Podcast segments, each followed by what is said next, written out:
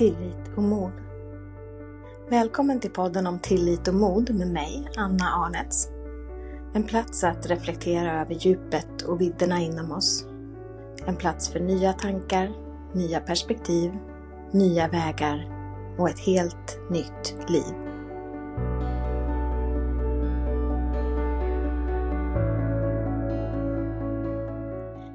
Tillit och mod. Ja, varför döpa en podd till det?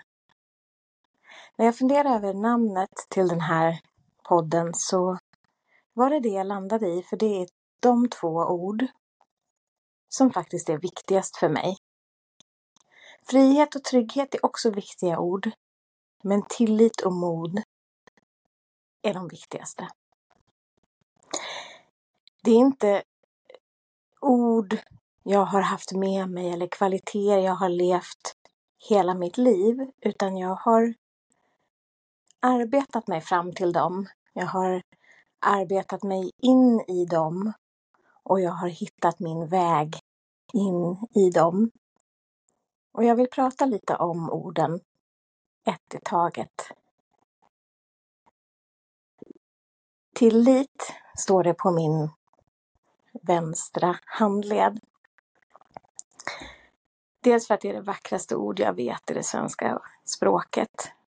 Det är vackert både hur det låter och hur det ser ut.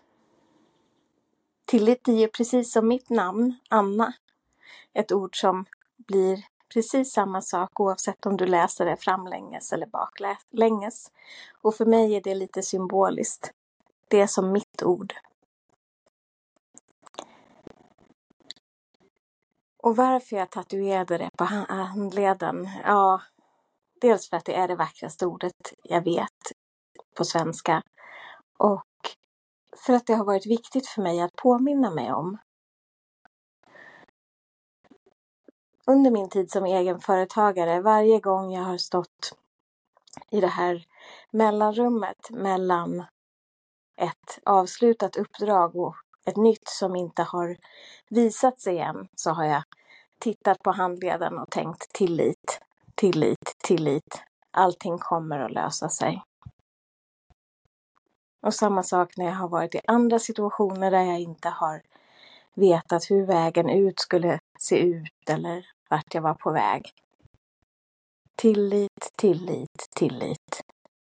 Allting är precis som det ska vara och allting kommer att bli precis som det ska bli.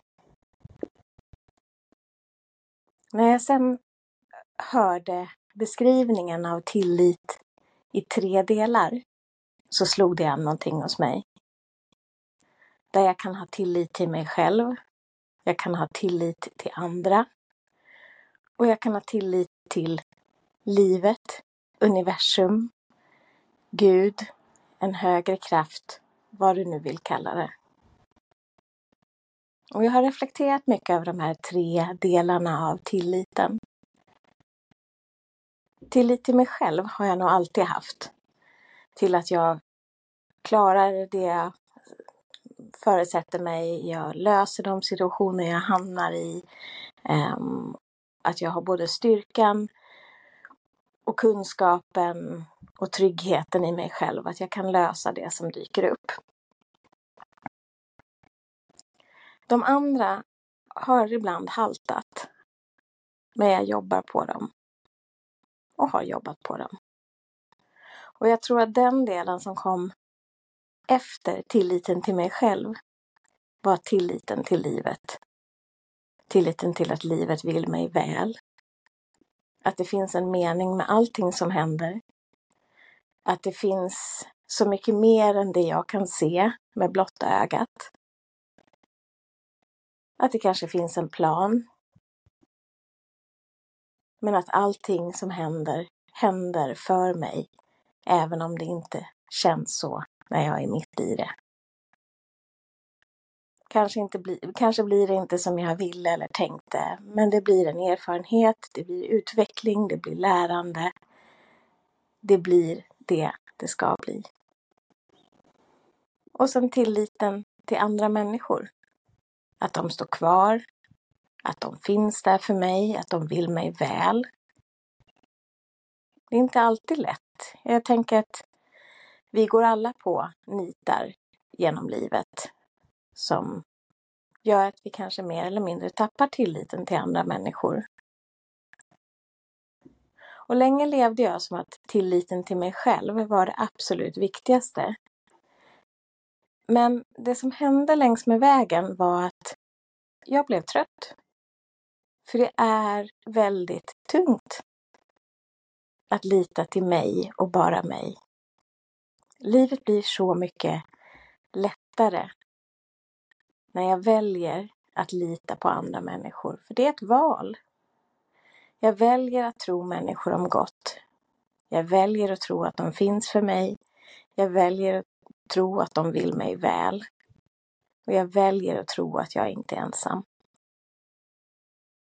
Och om jag dessutom kan luta mig bakåt in i tilliten till att livet vill mig väl,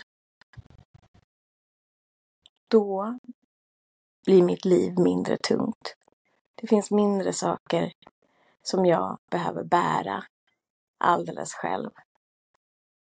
Livet blir roligare, lättare, mer magiskt, mer spännande. Om det består av mer än det som bara jag kan tänka ut och göra.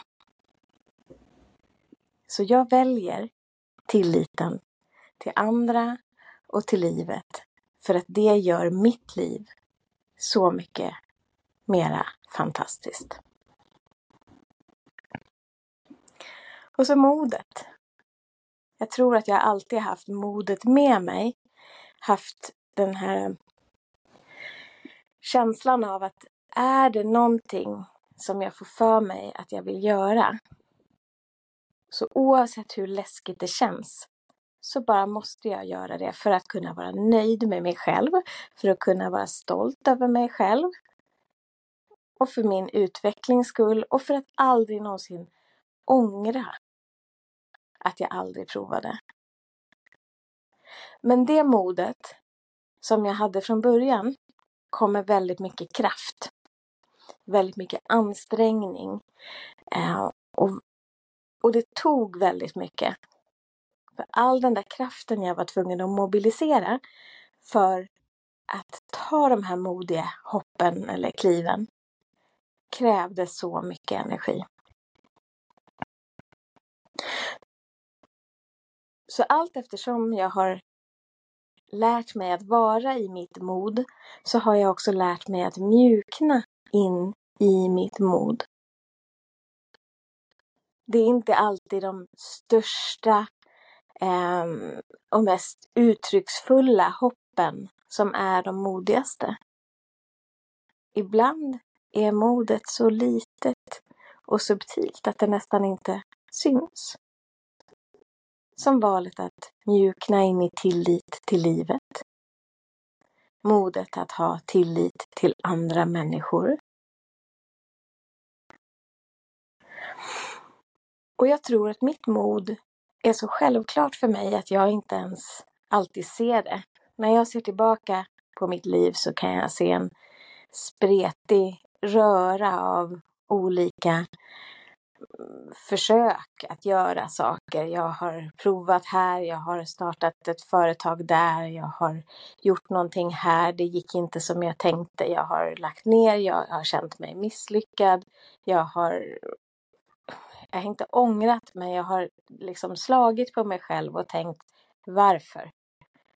Varför blir det alltid så här?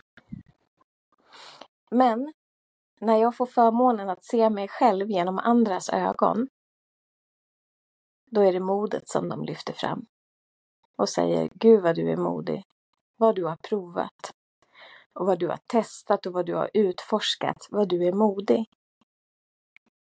Och det har legat så nära mig att jag inte ens har sett modet. För det har aldrig funnits ett alternativ.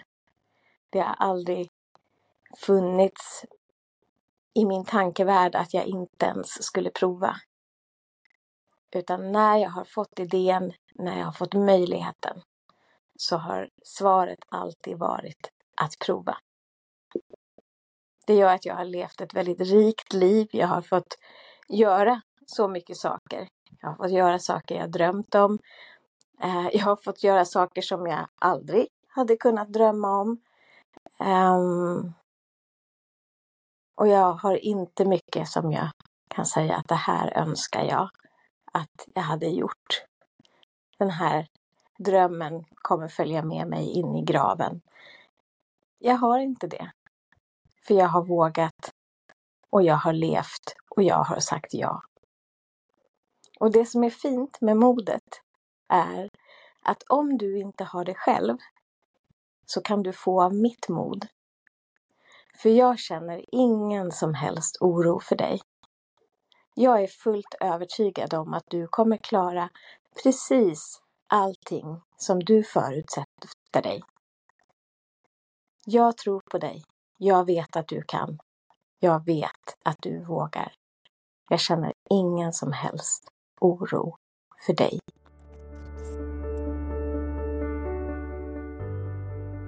Tack för att du har tagit dig tid att lyssna.